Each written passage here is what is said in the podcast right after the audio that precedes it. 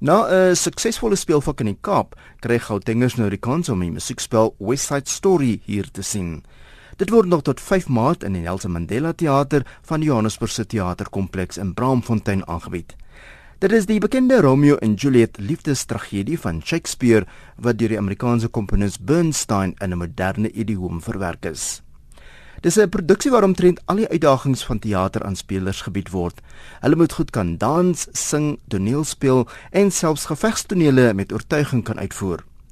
Die span wat nou hier in Gauteng optree, kwyt hulle goed van hulle taak.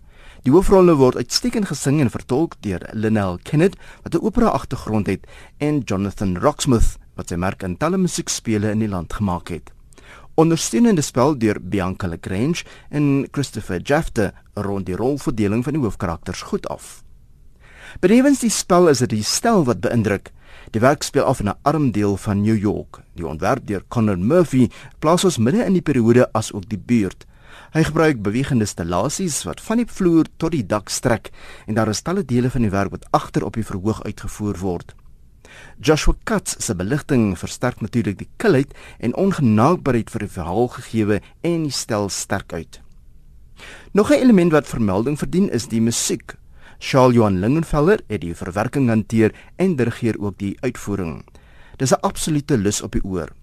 Ek kon sien dat die gehoor die bekende liedjies uit die werk baie geniet en dikwels liggies saamgesing het.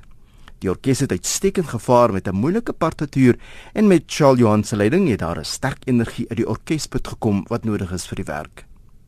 Ek beveel West Side Story van Leonard Bernstein sterk aan. Dis nou te sien in die Johannesburg Theater en die speelvak duur tot 5 Maart. Dis vir ware eg Suid-Afrikaanse vertolking waar ons eie talent met groot gemak kers kan vashou by Broadway en West End.